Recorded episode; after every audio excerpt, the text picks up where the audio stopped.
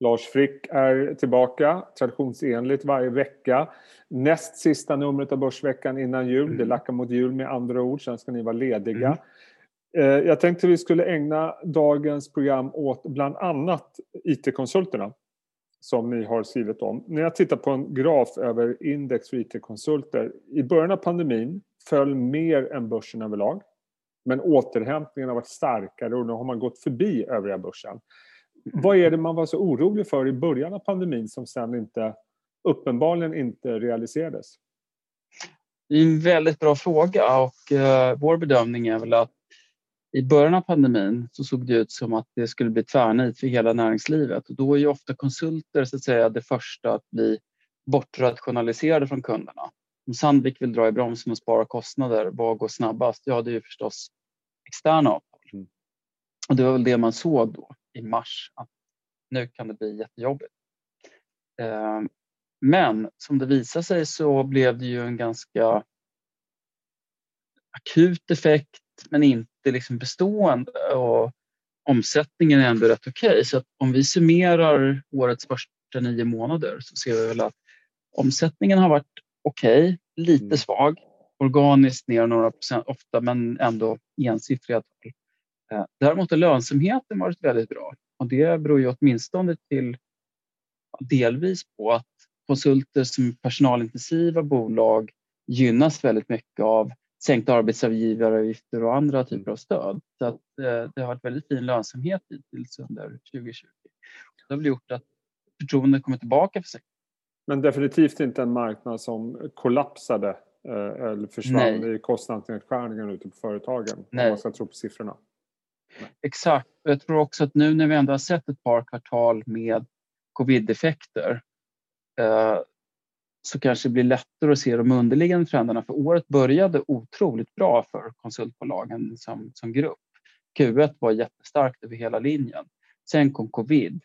Eh, och det man kan göra nu det kanske är att se igenom lite covid-effekten och gå tillbaka till det vi såg i Q1, nämligen att det finns väldigt starka underliggande trender som gynnar Eh, den här typen av bolag. Vi pratar ju förstås digitalisering, så tråkig kliché, men det är ju ändå sant. Eh, efterfrågan på molntjänster stiger väldigt mycket. Vi har automation och det finns, så det finns i, i grunden en väldigt stor efterfrågan på, på bolagens tjänster eh, och det är väl det man tittar på och fokuserar på nu när kurserna har gått lite också. Att när väl covid, i synnerhet nu när det finns flera vaccin som är på gränsen att, att börja levereras, att man också ser att det kommer kicka in då. Covid-effekterna lägger sig och då kommer de här grundläggande trenderna tillbaka. Eh, om vi tar en titt på, ni har gjort en genomgång på konsulterna, IT-konsulterna mm. och eh, om jag har räknat rätt, min huvudräkning är inte som den var en gång i mm. tiden, så har ni fyra köp och sex avvakta.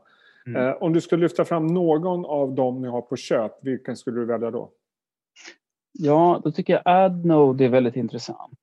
Det är ju ett bolag som eh, jag kallar de här lite slentrianmässigt kanske för compounders. Mm. De gör väldigt mycket förvärv. Det har vi sett kanske i ja, industrigrossister och andra typer av branscher. Uh, Adnode har gjort 23 förvärv på fem år så det är en del i strategin. Man köper mindre bolag, integrerar dem. Det är förstås en riskabel strategi. Det gäller ju att hitta bra förvärvsobjekt och inte betala för mycket för dem. Men vad vi har sett uh, i siffrorna för Adnode det är att Eh, de har lyckats bibehålla sin lönsamhet, till och med ha en positiv trend trots att de hela tiden förvärvar. Så det är inte så att de köper och spär ut lönsamheten som ju är en risk. Eh, så att man är uppenbarligen duktig på att hitta objekt och inte betala för mycket för dem. Och jag tycker det är en generell trend på börsen också. Att investerare är villiga att betala för tillväxt. Den typen av bolag får en premie på börsen.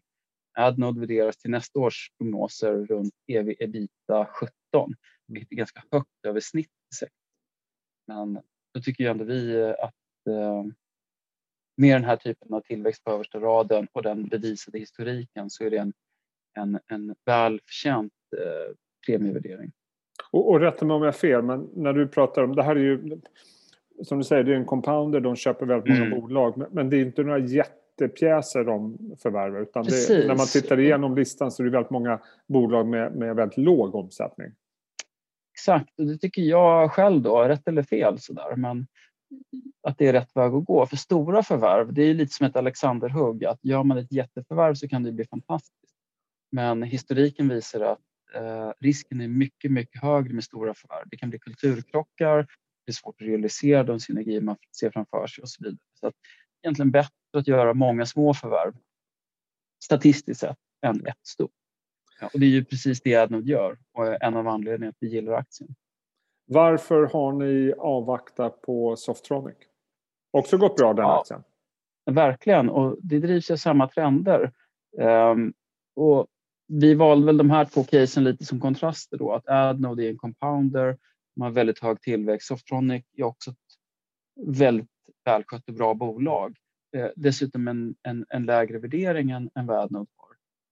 Eh, men om man ska hitta någonting i den här sektorn då tycker vi att det finns några faktorer som är mer aktiva andra än tillväxt en av dem. Då sticker Adnode verkligen ut. Att, eh, och fyra av tio köp visar väl också att Lite försiktiga. Lite försiktiga, ja. precis. Mm. Det är också en sektor där det har varit väldigt mycket konsolidering de senaste åren. Så att vi gör ju en IT-konsult special varje år. Varje år så är det färre bolag som ingår för att de flesta köps upp. Då. Mm. Så det där är också en viktig trend.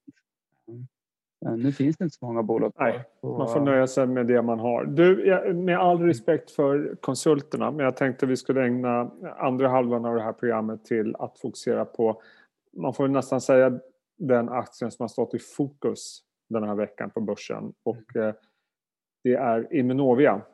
Eh, det mm. kom en artikel i Dagens Industri där då experter hade ifrågasatt nyttan av eh, de här eh, testerna som man utvecklar. Innan vi går in på hur allvarligt det är, lite kort bara om Immunovias tester. Vad är det de gör konkret? Eller vad är det de vill göra kanske man ska säga? Precis. Immunovia vill Eh, skapa tester, diagnostik för att tidigt kunna upptäcka sjukdomar. Eh, och nu pratar vi framförallt cancer, det som ligger längst fram är pankreascancer. Ehm, och ehm, ett problem med cancer är förstås att ju längre tiden får gå desto allvarligare blir den. Så man vill gärna hitta det så tidigt som möjligt. Det gäller ju särskilt de mer aggressiva formerna som pankreascancer, hudcancer också ett väldigt snabbt förlopp. Så det säger sig självt att kan man hitta det tidigt så ökar ju chansen att, att uh, kunna bota det. Uh, och retrospektiva studier, det vill säga att man backtestar gammal statistik menar Immunovia att då inom pankreascancer skulle man gått kanske från 6-8 procents överlevnad till nästan 50-50. Så det är en gigantisk mm. Men, och det är väl det här som är ett av två problem tror jag nu. Att statistiken är ju lite svajig eh, och det andra som du nämner att det finns en viss skepsis hos läkarkåren. Eh, om vi börjar med det förstnämnda med statistiken att det ideala testet hittar ju alla fall men hittar ingenting annat. Sensitivitet och specificitet. Det är känsligt nog att hitta det man söker efter. Det är specifikt nog att inte hitta andra saker. Och de där står ofta i opposition till varandra. Vill man hitta cancer då kan man ta screena patienter för alla kända markörer och göra alla diagnostiska tester som finns. Då. Men då kommer man att hitta massa andra saker också. Alltså det är en avvägning. Det kanske, kanske där skon klämmer lite för Immunovia. Testet, om testet är bra, är det förstås det bra, men är det bra nog att ersätta annan diagnostik? Och då kan jag förstå att om man från läkarhåll känner så här, ja det här kanske gör oss lite tryggare i vår bedömning, men det är inte så bra att vi bara kan använda det, utan vi måste ändå göra vad vi gjort tidigare. Det blir ju liksom den nyttan av det lite dubiöst. Mm. Så det kanske är det som är... Men, men är inte det har tanken varit någon gång att det här, deras produkt ska ersätta all alla annan form av diagnostik? Eh, är det som det som har varit visionen eller har visionen alltid varit ett, att det ska vara ett komplement? För enligt min erfarenhet så råder det alltid en viss skepticism eh, mm. inom läkarkåren för nya produkter, med all rätt. Mm. Eh, men, men, om man Precis. sätter hur, hur, ska man bedöma det? Ja, liksom? exakt. Jag, jag, tror att så att hitta ett hundraprocentigt test, det går ju inte. Men allt som hjälper eh, inom diagnostik är ju i någon bemärkelse bra. Mm. Och precis som du säger tror jag också att det finns en lite sådär branschmässig skepsis inom läkarkåren. Ja. Vi pratar evidensbaserad medicin, finns det inte bra science i botten så är det ingenting att ha. Så att de är ju tränade med all rätt att vara skeptiska.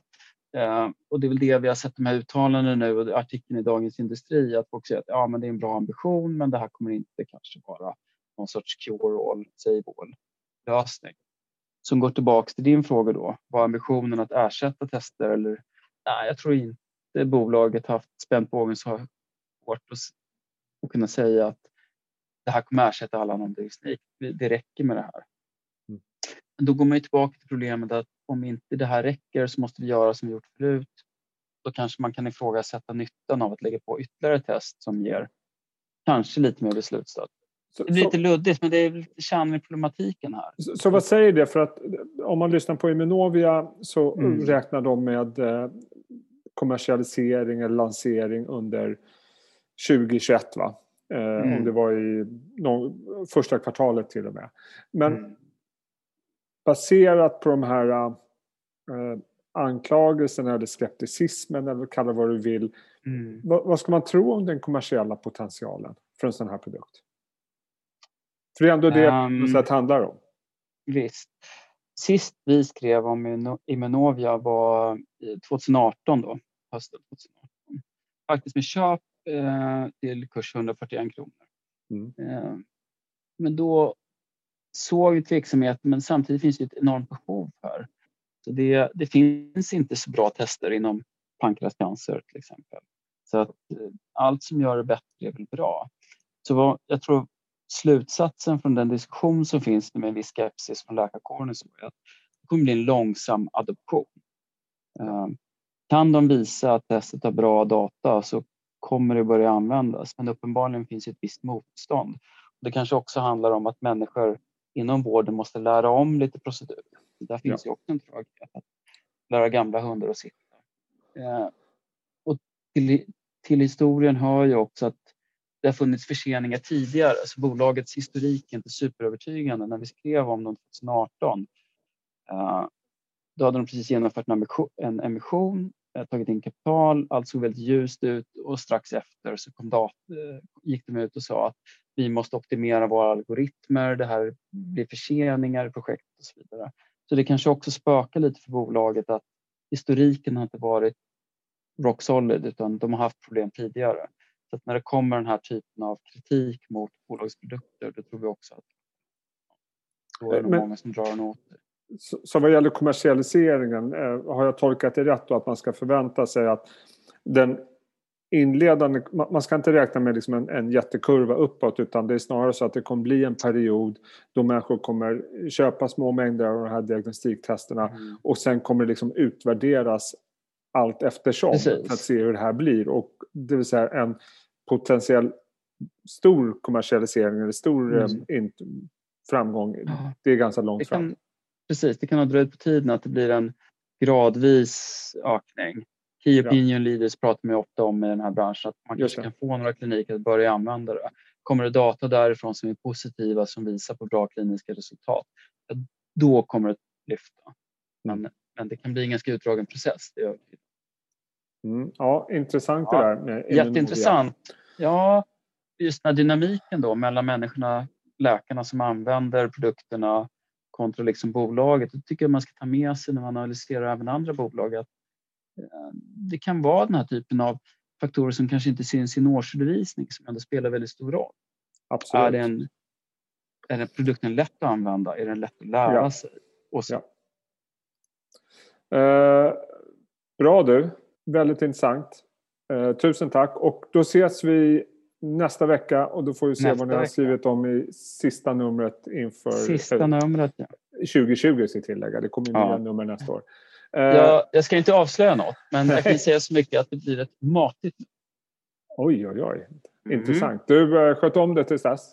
Ha det bra. Dito. Tja! Hej!